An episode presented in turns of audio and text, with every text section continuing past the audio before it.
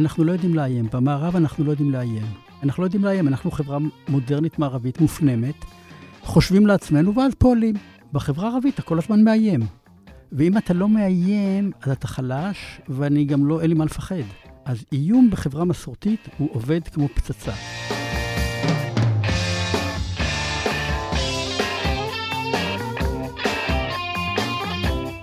ברוכים הבאים למרקרים, פודקאסט סוף השבוע של דה מרקר, ההזדמנות שלכם לקחת פסק זמן ממחזור החדשות היומיומי ולצלול איתנו לאירועים, לאנשים ובעיקר לרעיונות מאחורי החדשות. כאן באולפן איתכם, כמדי שבוע, ענת ג'ורג'י וגיא רולניק. שמענו בפתיח את דוקטור עופר גרוסברג, פסיכולוג קליני ששימש במשך חמישה חודשים, פסיכולוג בחטיבת המחקר של אמ"ן.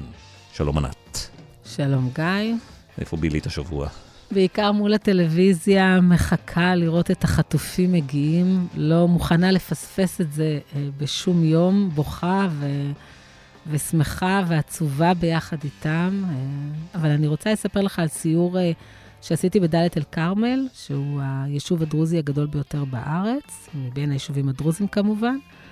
אה, וזה ברקע ניסיונות של הקואליציה לפייס את בני העדה, שבניה נלחמים אה, בקרבות בצפון ובדרום, וכמו שאר הלוחמים, משלמים אה, בדמם על הגנת הארץ.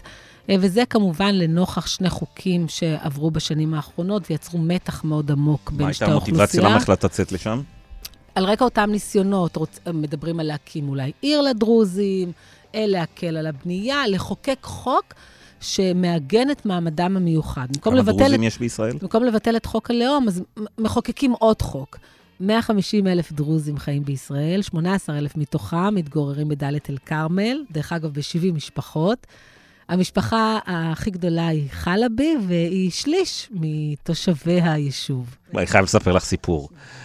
שהייתי בטירונות לפני הרבה אה, שנים, השאירו אותי ועוד אה, אה, עוד בחור אה, דרוזי, השאירו אותנו שבת, אני לא זוכר מה עשינו. ואני הייתי מאוד מצוברח, וישבתי איתו, והוא לא היה מצוברח בכלל שהודיעו לנו שאנחנו נשארים שבת.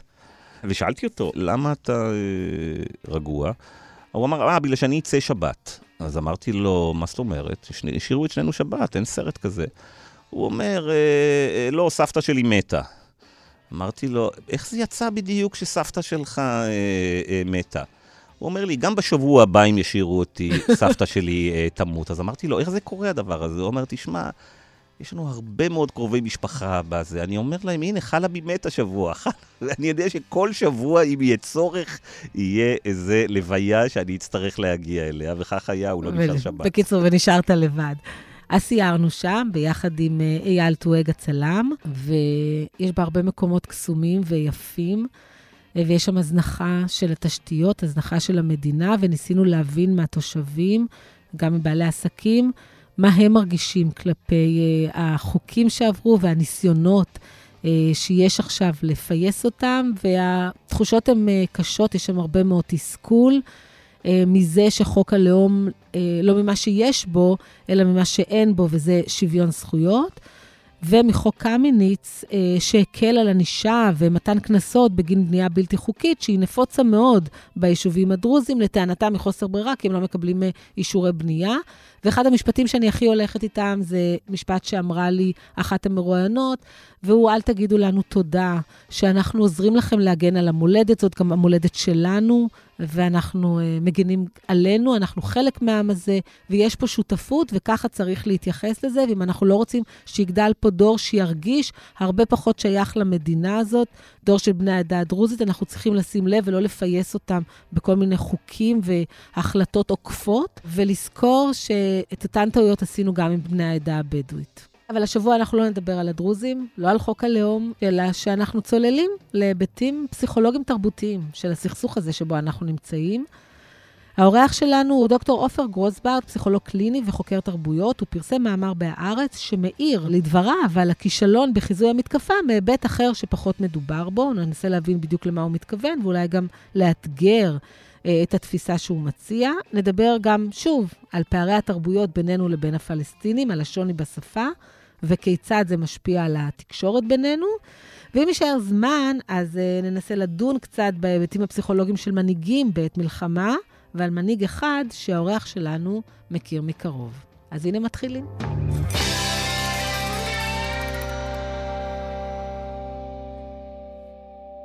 שלום לדוקטור אה, עופר אה, גרוסברג. שלום, שלום. עופר, קודם כל נתחיל בשאלה הכי מסקרנת, איך התגלגלת להיות פסיכולוג בחטיבת המחקר של אמ"ן? אה, לימדתי באוניברסיטת תל אביב, במדע המדינה, ואחד הסטודנטים שלי הוא היה מאמ"ן. אז הוא שידך את העניין, ואז הגעתי לאמ"ן. כיועץ ו... חיצוני. אפשר לקרוא לזה יועץ חיצוני, הייתי שם במשרה. מתי זה היה? חצי משרה. אה, מאוגוסט 21 עד ינואר 22. הם חשבו שיש לי משהו אחר, זווית אחרת, הם צדקו, אני חושב, אבל בין זה לבין היישום המרחק היה גדול. אוקיי, אז מה, איך הוגדרה המשימה? כשאני באתי, אה, אמרו לי, אה, לכל אחד יש משימה, המשימה שלך לעשות מה שאתה רוצה. שזה היה צ'ופר גדול. וזה אפשר לי באמת ללכת ולדבר עם הבכירים, עם, כמעט עם מי שרציתי. לחליווה לא הגעתי ורציתי, אבל חוץ ממנו הגעתי, דיברתי עם כולם. והייתה הרגשה כללית, בייחוד אצל אה, ראשי הגזרות, זאת אומרת, אלופי משנה, שחשוב מאוד ההיבט הפסיכולוגי, מאוד חשוב, אבל מה שקרה, אני לאט לאט התחלתי להרגיש שאני לא מצליח אה, לעשות את מה שבשבילו באתי. רגע, אבל לא הבנתי עדיין. בשביל מה באת? אתה אמרת מה שאתה רוצה, אבל מה, מה היה בכל זאת, מה המשימה שהצבת לעצמך אז? אני הבנתי שיש פה שני פנים לעבודת הפסיכולוג. פן אחד זה הפן הפנימי, זאת אומרת, דיונים, שאנשים יוכלו להתבטא בצורה חופשית, להגיד מה שעובר עליהם, להיות מודעים לעצמם. זאת אומרת, כי כשאנחנו נותנים הערכה בתנאי ודאות, אנחנו נוטים להשליך. הדבר הכי בסיסי, אם תיקח מישהו ימני ומישהו אה, שמאלני, יכול להיות שזה ישפיע על ההערכה שלהם. אם תיקח מישהו שחרד מהמפקד שלו ורוצה להתקדם, זה ישפיע על ההערכה שלו.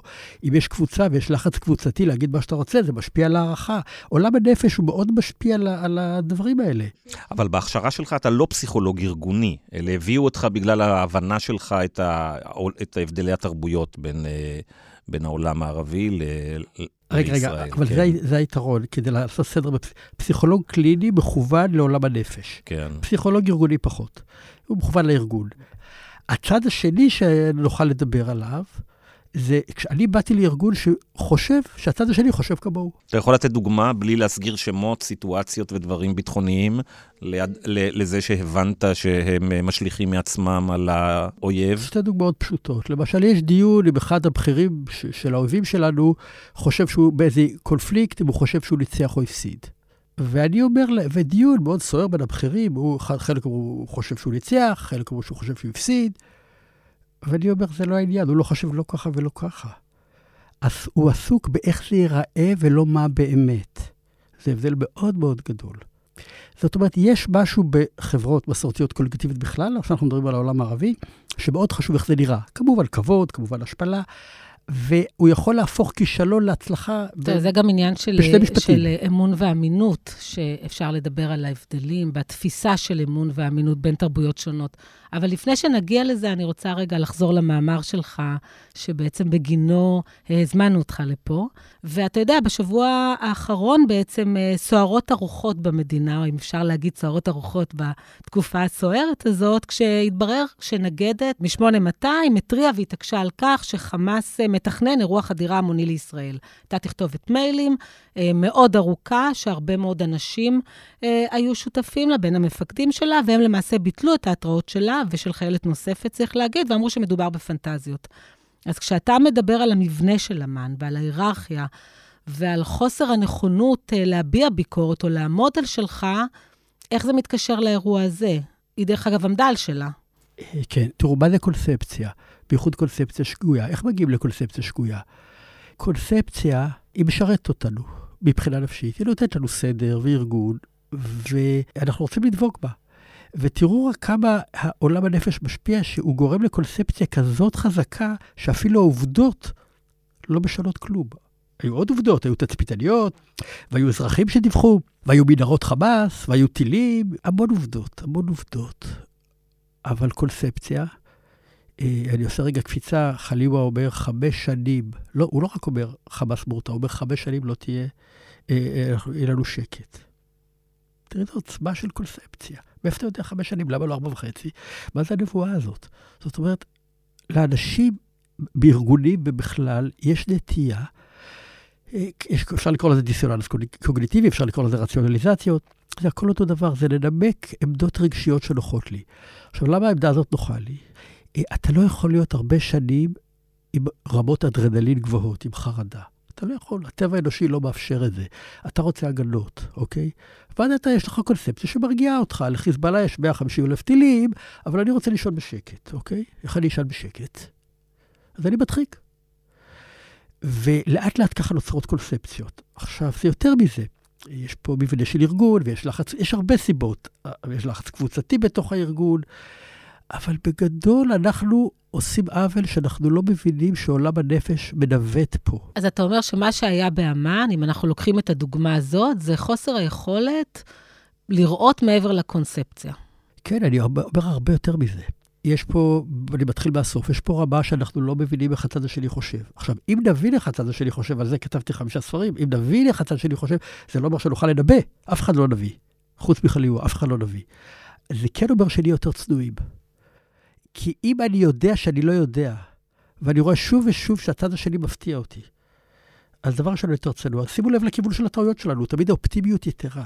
אה, עופר, אתה יכול קצת להרחיב, אתה אומר שהקונספציה משרתת משהו אצלנו, אז בוא נסתכל קצת על השחקנים הפועלים. אני חושב שאת הדיון צריך להתחיל בעצם מראש הממשלה.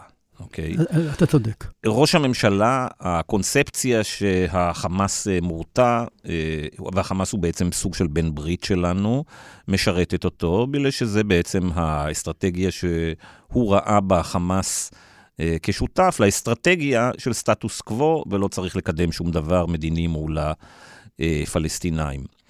זאת הקונספציה של נתניהו, אבל באופן מעניין, ופה אני רוצה לשמוע איך אתה רואה את זה, אחרי 15 שנה של שלטון נתניהו, בעצם הקונספציה הזאת מתחילה לחלחל לדרג הצבאי.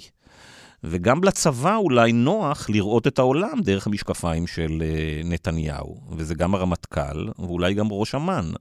עכשיו השאלה היא האם זה נוח להם כי הם רוצים לרצות את נתניהו, כולם, בגלל שהקידום שלהם תלוי בנתניהו, בגלל שהם לא רוצים עימות עם נתניהו, בגלל שהם לא רוצים עימות עם הדרג ה... אה, מדיני, או שזה משרת אצלהם עצמם כל מיני דברים אחרים במנותק מנתניהו?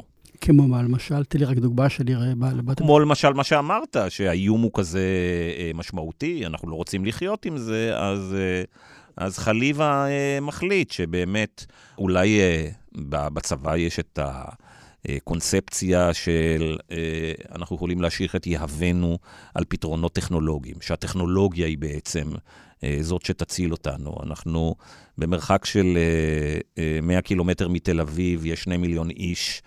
אה, שחיים בדלות תחת שלטון החמאס, אנחנו צריכים ליישב את הדיסוננס הזה, אז אנחנו אומרים, הטכנולוגיה תגן עלינו, אנחנו לא חדירים, הכל בסדר, אפשר לחיות עם זה. כן, תראה, זה גם וגם וגם, יש פה הרבה דברים. אם אתה רוצה, נתחיל מנתניהו באמת. זה לא רק כזה שזה משרת אותו, העניין שהחמאס הוא נכס. למשל, הוא שוגה בחשיבה מערבית מודרנית, שהוא אומר, אם ניתן להם כסף, ואם uh, ניתן להם פועלים, אז בעצם משהו בא, אולי בתפיסה האידיאול, האידיאולוגית ישתנה. כל כך הרבה פעמים, פה, צריך ללכת להיסטוריה, המנהיגים הערבים אמרו, אתם לא תקנו אותנו בכסף, אמרו זה הרבה פעמים. האידיאולוגיה יותר חזקה, אז, אבל פה יש חשיבה מערבית, יהיה להם טוב, יהיה להם מה להפסיד, זה נורא חשיבה שלנו. כול, כולנו רוצים לממש את עצמנו, כולנו רוצים... זה לא החשיבה של המנהיגים שם. אז יש פה גם כישלון בתפיסה המערבית, גם כישלון שחמאס הוא נכס בגלל האסטרטגיה שאתה תיארת, שאני חושב שהיא נכונה. אה, ויש עוד דברים בטח. אה, יש אה, ההפיכה המשטרית שהוא עסוק בה בעצם, והמסר שעובר לרמטכ"ל ולראש שב"ד, אני לא מוכן, אין לי זמן להיפגש איתכם, כי יש לי דברים יותר חשובים, מה שקרה. אבל גם אם הוא היה פוגש את ראש אמ"ן לצורך העניין, אנחנו יודעים שראש אמ"ן היה פחות או יותר באותה קונספציה. נכון, נכון. אז אני מנסה לחדד איתך, למרות שלא נפגשת עם ראש אמ"ן, אבל נפגשת עם פקודיו והסתובבת בתוך המערכת חמישה חודשים. כן, למה הסטטוס קוו הזה... משרת את חליבה. למה, אחד, הוא מאמין שהחמאס מורתע, ושתיים, למה חשוב לו לא רק להאמין בזה, אלא לספר לנו שהוא מורתע לחמש שנים? על איזה צורך זה עונה? כן, הוא עוסק בפוליטיקה הגלובלית כל הזמן, והוא מסביר, זה מה שמעניין אותו. יש ציר כזה שעובר מסין דרך איראן וככה וככה, והוא לא עסוק בכלל במה שקורה אצלו בבית. איזושהי תחושה שאנחנו נורא חזקים, אנחנו יכולים עכשיו להיות מעצמה, אנחנו מתעסקים בפוליטיקה הגלובלית, אנחנו, אה, אה, לא שיש לנו בחצר בעיות, בואו נדבר על איזה נכס אנחנו לאמריקאים, ומה הסינים חושבים, והאיראנים, ומה זה, ולא הגענו בכלל למבנה של המנות, ואיך היה צריך... בוא, בוא, בוא נסיים עם המבנה של המן, ואז נלך לזה, כן. אוקיי, אוקיי. אז דבר ראשון, המבנה הוא מאוד הומוגני. חבר'ה צעירים, רואים יותר, נטייה יותר לראות בשחור לבן דברים, חבר'ה בגיל 30-40, אני בשנות ה-60 שלי הייתי כמו הסבא שלהם שמה. אה, מעט נשים בתפקידים בכירים, שוב, פחות נשים, פחות אגו, פחות יותר הקשבה. אין תרבויות אחרות, לא בדואים, לא דרוזים. המבחנים של חבצלות, של עוד דברים, הם מכוונים לחשיבה אנליטית, וזה טוב להייטק, לדברים כאלה. אבל הכישורים החברתיים, שזה תחום שבו האויב עולה עלינו עשרת מונים, תראו איזה תרגילים האיראנים עושים לאמריקאים ולמערב, הכישורים החברתיים של החבר'ה האלה, שהם כל כך אנליטיים, הרבה פעמים הם נמוכים. אפשר לקרוא לזה חוכמת חיים, אפשר לקרוא לזה מניפולציות, תלוי אם אתה רוצה לראות את זה כחיובי או שלילי. זה משהו שאנחנו כל פעם נכשלים. כלומר, אתה מדבר שהיעדר כישורים חברתיים פוגעים בנו בהבנת האויב, לא בהתנהלות הפנימית של הארגון. נכון. ומה עם ההתנהלות הפנימית של הארגון? בתוך הארגון, אם יש ישיבה, אוקיי, ו- וניגש אליי בכיר אחרי זה ואומר לי, אני, אני לא אומר מה שאני רוצה, אני רוצה להרביץ לעצמי. ממה הוא חושש? אז זה ברור, יש מערכת היררכית. ושמע, אני יושב בישיבה, מציגים את זה אפילו פרויקטים חדשים, אתה לא שומע שום השגות, כלום. זאת אומרת, אנשים מסכימים, לא נוצר, אני כבר לא מדבר על סיור מוחות, אני מדבר על השגות הכי פשוטות. אה, הסכמות מלאות, אה, זה היה מאוד ברור, הוא ניגש אליי, אני לא התפלאתי שהוא ניגש אליי, והוא לא היה היחיד, זאת אומרת, זה היה ברור שזו האווירה שמה. אה, ואני אגיד יותר מזה, שאני הייתי שם, אמרו לי כולם, אם אתה הולך, הלך עלינו. אמרו, ראשי סירות, אתה חייב להיות פה. אמרתי, אני לא יכול להיות פה. למה הלך עלינו? זהו, אני לא, לא נכנסתי לזה, אבל התחושה שלי הייתה, למה הלך עלינו? כי אנחנו צריכים פה מישהו שיהיה ער למורכבות של הארגון, ואולי גם לאופן החשיבה של האויב, אבל בעיקר אני חושב שהם היו מכוונים לחלק הפנימי. הקושי להגיד משהו... הם הרגישו שיותר קל להם לדבר שאתה נמצא שם? לא שאני נמצא שם, אלא יותר קל להם לדבר איתי, בחדר, לבד.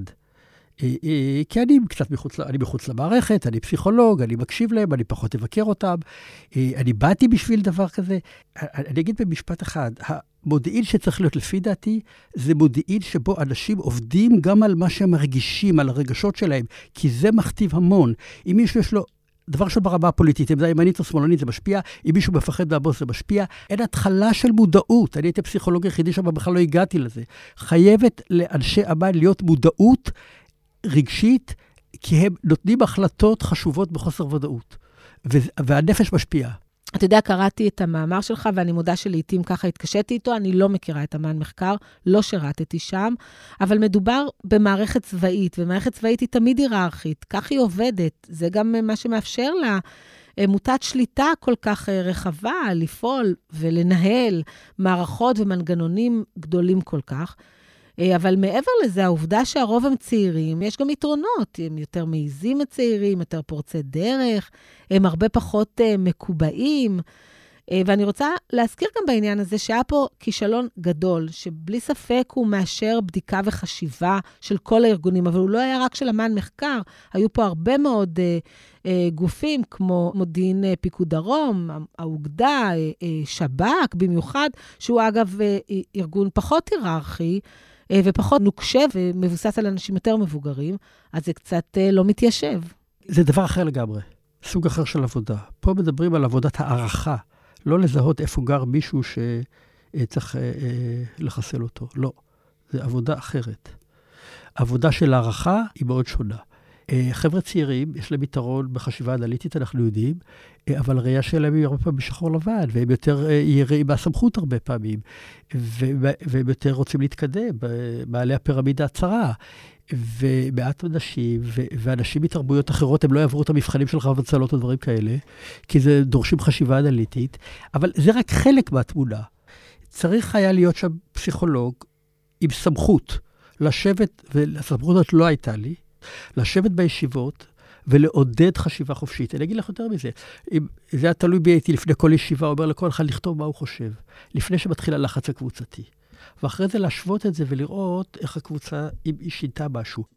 עופר, אפשר להוסיף עוד ממד רגע, כיוון שזה אמ"ן וספציפית, יחידת עילית אה, בצה"ל, יש גם משהו שקורה מחוץ למערכת הביטחונית, ו-15 שנים האחרונות היו מאוד דרמטיות וייחודיות. כי זה 15 השנים של הגאות הגדולה ביותר בהייטק הישראלי, שהוא מאוד מאוד מחובר אה, לעולם ההייטק. זה 15 שנים שבהם הטובים ביותר שיוצאים מיחידות המודיעין העילית, יוצאים לסקטור העסקי, ופתאום יש הצלחות כלכליות חסרות אה, תקדים. אולי זה גורם לזה שהטובים, שההרגשה היא שהטובים ביותר יוצאים החוצה, אולי זה יוצר איזו בינוניות במערכת, יש לזה השפעה לדבר הזה? לא ראיתי משהו כזה, אבל אני כן מבין שיש פה בעצם איזו תחושה אולי שאם אני נשאר במערכת, אני פחות מוצלח, פחות טוב. למרות שזה, שוב, זה יחידת עילית, האמן מחקר. אני חושבת שזה, אנשים רוצים להיות ביחידה הזאת. אבל תנסי רגע לחשוב מה קורה ב, ביחידות צה"ל האלה שקשורות לעולם הטכנולוגיה. בעשר שנים האחרונות, שהם קוראים אה, אה, כל יום בעיתונים על כל מיני פורשי המערכת, שפתאום נהיים כאילו הצלחות כלכליות שמעולם לא היו בהיקפים ובגדלים אה, אחרים. זה לא, זה לא חלק מתוך ההביטט שהם גרים בו? ללא ספק זה קיים. אין לי ספק שזה קיים. זה לא משהו שאפשר להתעלם, כולם רוצים להרוויח טוב, כולם רוצים חיים טובים, כולם רוצים קידום. זה ברור, זאת אומרת, זה ברור שזה משפיע. הרבה פעמים אני הרגשתי שאנשים נמצאים שם, כי זה, זה מקום, מקום פרנסה גם. ראשית כל מקום פרנסה. יש לי משפחה, יש לי ילדים. עכשיו, אם אני הולך מפה, מה אני עושה? אז אה, לפני עשר שנים פרסמת ספר שנקרא אה, בבל, מדריך למפגש בין מזרח ומערב. אה, שעוסק בשפה תרבותית, באופן שבו אנחנו חושבים, ובין היתר אתה כותב על הפער בין חשיבה מזרחית אה, ומערבית. בריאיון שנתת ל"הארץ", אה, לאחר פרסום הספר, כתבת כך: אנחנו כל הזמן מניחים שהצד השני לא יתקיף אותנו, כי אנחנו יותר חזקים. זאת חשיבה נורא מערבית. בחשיבה מערבית אני יוצא למלחמה כדי לנצח, ואם אני לא חושב שאני אנצח, אני אוותר. אבל בחשיבה מסורתית קולקטיבית, השני יותר חשוב. אז אני אצא למלחמה כדי לפגוע בך, לא חשוב מה שיקרה לי, גם אם אני יותר חלש. לפי התיאוריה הזאת, סנוואר מנצח בענק. הוא פגע בנו מאוד, גם אם הפלסטינים היום משלמים מחיר מאוד כבד, לא אכפת לו. הוא פגע בנו מאוד. הוא הצליח לשנות את השיח, במזרח התיכון בוודאי. אם כל מה שהוא עסוק בלפגוע בנו, אז, אה, אז הוא כבר ניצח את המלחמה. נכון, ובואי תראי מה קורה. כל הצהלות שם, בה, שהוא משחרר את האסירים שלו, איך כולם מריעים לו ברחובות. צריך להבין את זה, זה, זה באמת חשיבה אחרת. אתה מביט על האחר, אתה לא מביט על עצמך. אנחנו מביטים על עצמנו, והם מביטים על הקבוצה. אז אני רק אגיד במשפט, אנחנו לא גדלנו במשפחה של עשרה ילדים עם מורה סמכותי. זה מצב שבו אתה חייב כל הזמן להביט החוצה לשם הישרדות. ואנחנו מביטים על עצמנו, רוצים לממש את עצמנו. שם הכבוד, איך אחרים רואים אותי זה קריטי. אז אני רוצה אה, לנסות להבין איך דברים שאנחנו אומרים, איך זה נתפס בצד השני. וכשבכיר במשרד החוץ אומר היום, ואני מצטטת, נבוא חשבון עם קטר אחרי שתסיים את תפקידה בהשבת החטופים. כמה משפט כזה יכול לגרום נזק? אני חושב שיכול לגרום תועלת. זה איום. אנחנו לא יודעים לאיים. במערב אנחנו לא יודעים לאיים. אנחנו לא יודעים לאיים, אנחנו חברה מודרנית מערבית מופנמת, חושבים לעצמנו ואז פועלים. בחברה הערבית אתה כל הזמן מאיים. ואם אתה לא מאיים, אז אתה חלש, ואני גם לא, אין לי מה לפחד. ונסראללה אמר, אם הייתי יודע אה, שככה תגיבו על שני החיילים החטופים, לא הייתי עושה מה שעשיתי. אז איום בחברה מסורתית הוא עובד כמו פצצה. אז זה שגלנט היום אומר שחיזבאללה לא יתחילו איתנו, כי מה יקרה להם? ושאנחנו נש... נמגר את החמאס, זה מפחיד אותם? האיום הזה עובד עליהם? איום עובד. זו חברה יותר אסוציאטיבית. תביני, זה לא חברה, זה, הם פחות אנליטיים, הכל יותר אסוציאטיבי. איום מפחיד. אני פה טעיתי בגדול, אני חייב לעדן. כשאני שומע את גלנט אומר את זה, תמיד נדמה לי שהוא בעצם מדבר לבייס שלו בליכוד, או לציבור הישראלי. זה לא, לא סותר, אתה, אתה צודק, זה, הוא מדבר גם לבייס, אה, אין לי מושג למי הוא מדבר, אבל זה עובד על שני הכיוונים. גלנט הרי אמור לסיים, ברגע שנגמרת המלחמה, הוא צריך uh, להגיש את התפטרותו במסגרת כל הדרג המדיני והביטחוני, ככה אנחנו מצפים. מהם, כן. אז אה, מצפים, לפי, כן. ככה אנחנו מצפים מהם, אז נדמה לי שהוא צריך להעריך את הלגיטימיות שלו בקרב הציבור הישראלי, אחרי שהוא עמד בראש מערכת עם הכישלון הצבאי הגדול בהיסטוריה של ישראל. אבל זה מפתיע, אתה בעצם אומר ש, שזה עובד אה, בגלל שאיומים עובדים עליהם. אני רוצה אה, להמשיך עם זה, עם הקו הזה, ולדבר איתך על מנהיג שלדבריך אה, הבין את כל זה. אני מדברת כמובן על מנחם בגין. אה, והוא ידע לדבר עם הפלסטינים, הוא בא ואמר להם, אה, אני לא מושיט לכם יד לשלום, אני מושיט לכם יד כי אחים אנחנו. הוא יכל לראות את צד, הצד השני, הכיר אותו, אה, ולכן גם הצליח לנהל איתו איזשהו דיאלוג. אני רוצה אבל לשאול אותך כמה הוא שונה מהמנהיגים של היום, אפרופו יואב גלנט ובנימין נתניהו, ומה זה אומר לגבי היכולת לעשות הסדר מדיני, אם מישהו בכלל ירצה בכך. אז דבר ראשון, אני כתבתי את הביוגרפיה של בגין. אני יודעת, לכן רציתי- היא שאלה אותך את זה. רציתי ל- לחשוף את כן. זה בהמשך. אה, נאמר בעניין הזה ש, שבכלל, אתה גדלת אה, אה, בבית, במשפחה של בית"רים, אביך היה חבר המפקדה הראשית של אצ"ל, ואימא שלך הייתה רופאת הילדים של בני משפחת בגין. נכון. אז אחרי שנתנו את הגילוי הנאות הזה, אז בוא תדבר קצת על ההבדל בין בגין לבין המנהיגים של היום, וליתר דיוק לבין נתניהו.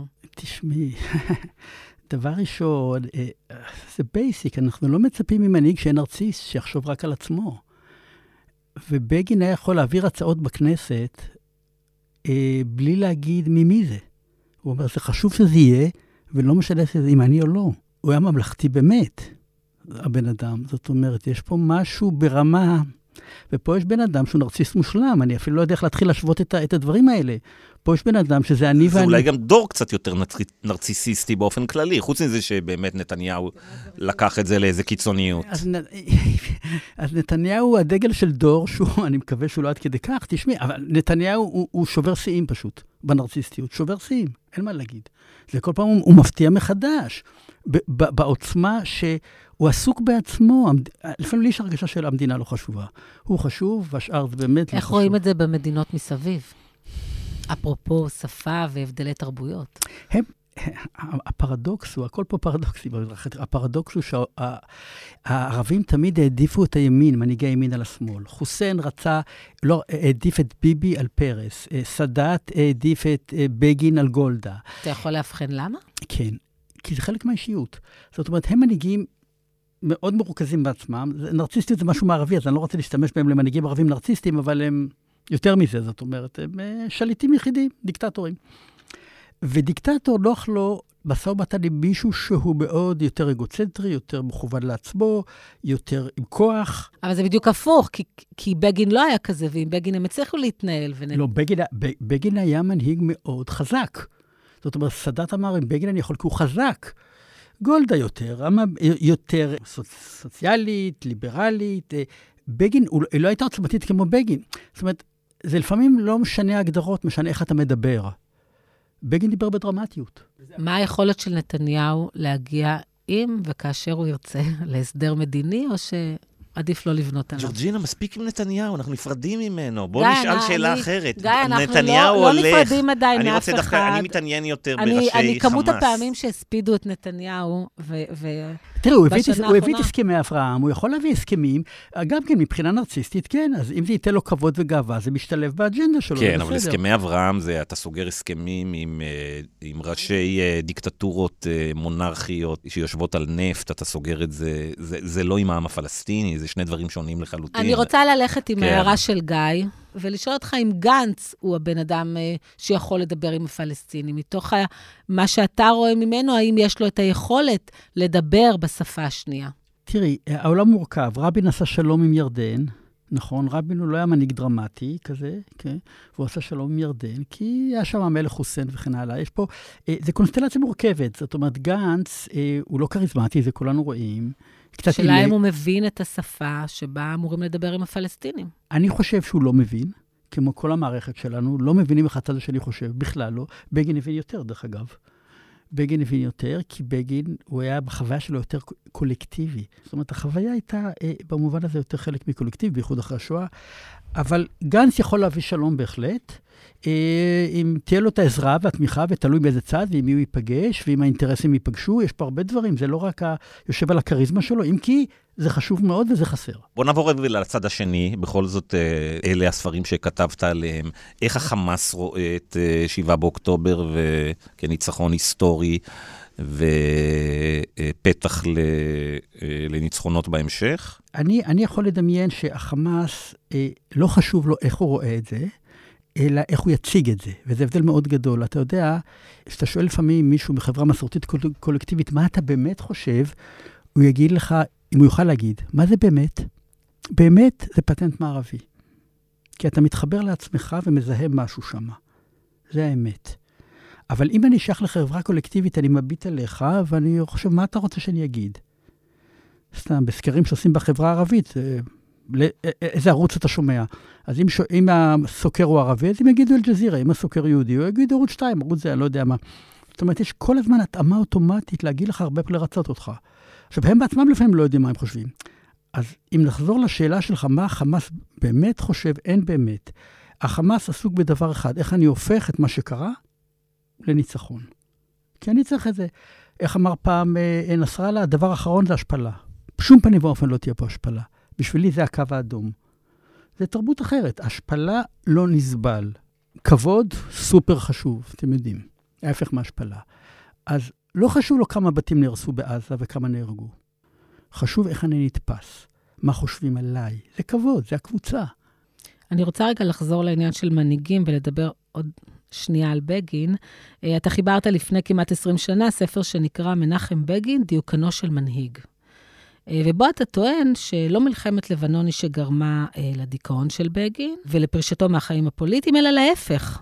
ההידרדרות למלחמה חסרת תוחלת וקשה כל כך נבעה דווקא מהתפרצות הדיכאון שלו. ואני רוצה לשאול אותך, כמה קשר יש בין מצבו הנפשי של מנהיג ליכולת של מלחמה להגיע למחוזות שאנחנו לא חולמים עליהם אפילו? מנהיג הוא בן אדם. אני לא יודע כמה ביבי עסוק במשפט שיהיה לו אחר כך. בתוצאות של המלחמה, במה הוא באמת עסוק בראש שלו. אני לא בטוח שאני יודע, אה, אבל אני מודאג מזה, שאני לא יודע. אה, אני, אני צריך מנהיג שאני יודע שהוא פנוי. פנוי לדבר הכי חשוב. אצל ביבי דווקא יש מה שקוראים העדפה נגלית, אנחנו רואים, זה מודיעין גלוי לדעת מה ביבי חושב, כי יש לו מכונת רעל. לא צריך את הבא מחקר. שדרכה הוא מעביר את המין אלטר אגואים כאלה ברשתות ובערוץ 14. תקשיב לערוץ 14 ותדע מה ביבי חושב. כן. התראיינתי הבוקר לערוץ, הבוקר זה לערוץ 14, כן. אם היית אומר לנו את זה קודם, היינו מבטלים את הראיון. משפחת בגין אה, אה, קיבלה את הטענה הזאת, שהדיכאון שלו... אה, זה, זה, זה, זה סיפור מעניין, כי תראי, גם עכשיו מה שכתבתי בארץ, גם מה שכתבתי בספר על בגין, אני, אני לא חושב שאתה יכול לכתוב ביוגרפיה על מנהיג אם אתה לא אמפתי אליו. כי צריך להבין אותו מבפנים, זה לא חוכמה לבקר מבחוץ ככה וזה רק. התזה הייתה שבגין אמר, אין לי כוח יותר, והוא פרש. ואני באתי עם תזה... אינני יכול עוד. אינני יכול עוד, כן. ואני באתי עם תזה, עם הרבה הוכחות, כי היו לי המון רעיונות דווקא מהמרכז למורשת מנחם בגין נתנו לי, שהראו שהדיכאון הלך והתפתח לאורך השנים, אנשים שדיברו איתו ראו את זה. ואז אני באתי עם התזה שבעצם היה פה דיכאון, שהוא הגיע למלחמה עם דיכאון, ובדיכאון אתה לא יכול לתפקד. וזה היה סיפור מעניין, כי הספר נבחר, הוא זכה בפרס המחקר של המרכז למורשת מנחם בגין, כי קרא אותו פרופסור, שכחתי שמו, שהיה נשיא אוניברסיטת חיפה, ו- ולא קראו את זה במרכז בגין. ואחרי שהם נתנו לי את הפרס, הם גילו שאני אומר שהבחור היה בדיכאון, המנהיג היה בדיכאון. ושהוא דרדר את המלחמה. ו- וזה, בדיוק, וזה דרדר את המלחמה, ולקבוצה של הליכוד זה היה עלבון מאוד גדול. אה, ו- ובמשפחה שלי הזהירו אותי שאני מקלקל את היחסים עם המשפחה של בגין. אני יודע שהם לא קיבלו את התזה הזאת. הם התנגדו, אמרו לא, אה, הוא אמר שאין לו כוח, אבל העובדות היו כל כך חזקות. בן אדם שמסתגר תשע שנים בבית ומוריד במשקל ולא יוצא, אז, אז לא, לא צריך להיות פסיכולוג בשביל זה. עופר, שאלה אחרונה, מאחר והתראיינת הבוקר לערוץ... אה, זה גמר אותך, גיא. לא, לא, שאלה מאוד קונקרטית לעניין, בערוץ 14, אנחנו אחר כך נלך לראות את הריאיון. ענת, תראה את זה בשביל שנינו. הם דיברו איתי רק על המודיעין. או, בדיוק, זאת הייתה שאלתי. נתנו לך גם לדבר על נתניהו, או רק על כישלונות המן? אתה שמעת את זה, דן? ענת תראה את זה בשבילי. זה היה הומור, ענת, אם לא הבנת, זה סוג של הומור, אוקיי. רציתי להגיד אז כנראה יש לנו פערי שפה, גיא. אני לא מבינה את ההומור הזה. גיא, תשמע, אני לא אחראי על כולם, אני בקושי אחראי על עצמי. לא, באמת. הם שאלו אותי, הם שאלו אותך על אמן בלבד. רק שאלו אותי על הבן, ואני עניתי על הבן. אם היו שואלים אותי על ביבי, הייתי אומר על ביבי. ברור. כן. הייתי אומר מה שאני חושב, וזה... יש אה, קמפיין בערוץ 14, של להגיד שבעצם בכל האירוע אחראי רק אמן, ולהסיר את האחריות מנתניהו. אבל זה ילדותי כל כך, כן. כך, כאילו זה, זה שני דברים בלתי תלויים, זה לא מוציא אחד מוציא את השני, יש פה דברים לשפר, ויש כמובן מנהיג, אה, מה, אפשר לחשוב שמנהיג... בהזדמנות נזמין אותך פה לדבר על הפסיכולוגיה של הצופה הממוצע בערוץ 14, ואז אתה תראה שזה די אפקטיבי, השיטה הזאת. אתה כנראה, אתה כנראה צודק, זה מתחיל מה, מהאנשים, לא מהערוץ אולי, טוב. כן, אבל, אבל אה, אה, זה ברור, זה, זה בלתי תלוי, והאחריות של ביבי, אני חושב, היא, היא, understatement, זאת אומרת, זה obvious. יפה, דוקטור אה, עופר גרוסבר, תודה רבה שבאת לאולפנינו. תודה, עופר. אה, רק לא- רק לא סיפרנו למאזינים מדוע פוטרת. אה, אוקיי, זה, זה החלק הפיקנטי. הוא לא כך פיקנטי. אני בשלב מסוים אה, באתי לבוס שלי ואמרתי, אני רוצה לכתוב לחליבה, שאני לא מצליח לעשות את המטרה שלשמה באתי, להכניס את הפסיכולוגיה והפסיכולוגיה הבין-תרבותית לתוך אמן, וכתבתי את המייל ולא שלחתי, והראיתי את זה לאחראי לו, והוא אמר לי, תעשה לי טובה, אל תשלח. אמרתי לו, אני חייב לשלוח. ושלחתי, ואמר לי, אי אפשר יותר לעבוד ככה, והאדון, אלוף חליבה, מעולם לא חזר אליי, הוא קיבל את המייל ולא חזר אליי אף פעם. כן, כנראה שהוא קיבל עוד כמה מיילים די חשובים, אה, אפילו יותר מהמיילים שלך, והוא לא חזר אל אה, שולחיהם. עופר, תודה רבה שבאת לאולפנינו. תודה רבה, עופר. תודה, נא, תודה, גיא.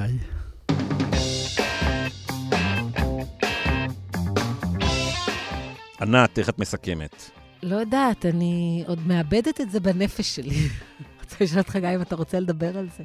אני חושב שאנחנו צריכים בכלל, ענת, לעשות פה יותר שיחות, קצת להבין מאיפה את באה, על השאלות שלך, מאיפה הם באים, ועל uh, מערכת היחסים בינינו, כדי שהמאזינים יכולים להבין טוב יותר מה קורה פה באולפן. מדי פעם אני מקבל הערות כאלה גם מחלק איזה הערות. איזה הערות למשל.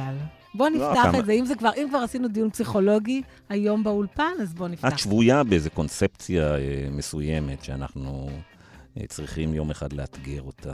למה הבעיה זה שאני שבויה בקונספציה? לא, לא, אני, אני שבוי. בקונספציה, כמובן. התכוונתי, אז עשיתי השלכה מהקונספציה שלי, ענת. אני חושבת, דרך אגב, שהיו פה הרבה מאוד קונספציות שקרסו. בין היתר חוסר הערכה ויהירות כלפי הצד השני. אה, והיום הכל יוצא החוצה. אתה יודע, זה נורא קל לצאת החוצה כשיש כישלון כזה גדול. אה, ואני באמת מקווה שרק נוכל לצמוח מהכישלון האלה, וגם הגופים שאחראים על כך ילמדו מזה את הלקח. אה, אני מבין למה נתניהו היה שבוי בתוך הקונספציה הזאת, כי היא ממש שירתה את הכל אצלו. היא שירתה את כל תפיסת אה, אה, עולמו, הרעיון הזה שסייבר דיגיטל, סטארט-אפ, ולעשות עסקאות עם אה, שליטי אה, האיחוד האמירויות, ולא צריך להתייחס לפלסטינאים. זה אנחנו מבינים למה הקונספציה הזאת הייתה כל כך אה, נוחה לו. באמת היה איזו שותפות אסטרטגית בינו לבין אה, סינואר ו, אה, וקודמיו. יותר מורכב זה להבין למה כל המערכת מסביבו מאוד, יכול להיות שאחרי 15 שנה של נתניהו בשלטון, כולם קו. הבינו שכדאי ליישר קו, הבינו את זה מי שרצה להתמנות אה, לתפקידים אה, בכירים, ויכול להיות בגלל שנתניהו הוא אה, אה, איש שיווק אה, מוכשר, שכולם הבינו שזה בעצם הקו שצריך אה, לדחוף, מי שרוצה לקבל מקום של כבוד בציבוריות הישראלית, ואולי חשבו שלאתגר את הקו אה, אה, כדי יעלה לאנשים במשרות אה, שלהם. אני מניח שבשבועות, בחודשים, וכנראה בשנים הקרובות, השאלות האלה יעסיקו את uh, כולנו. עד כאן המרקרים להשבוע. אם אהבתם את הפודקאסט, אל תשכחו להירשם בחנויות הפודקאסטים של אפל, ספוטיפיי וגוגל. תודה רבה לעושים במלאכה, לאמיר פקטור המפיק, לדן ברומר העורך האגדי. תודה לדוקטור איתן גרוסברג שהגיע לאולפן. תודה לך, ענת. תודה, גיא. להתראות בשבוע הבא.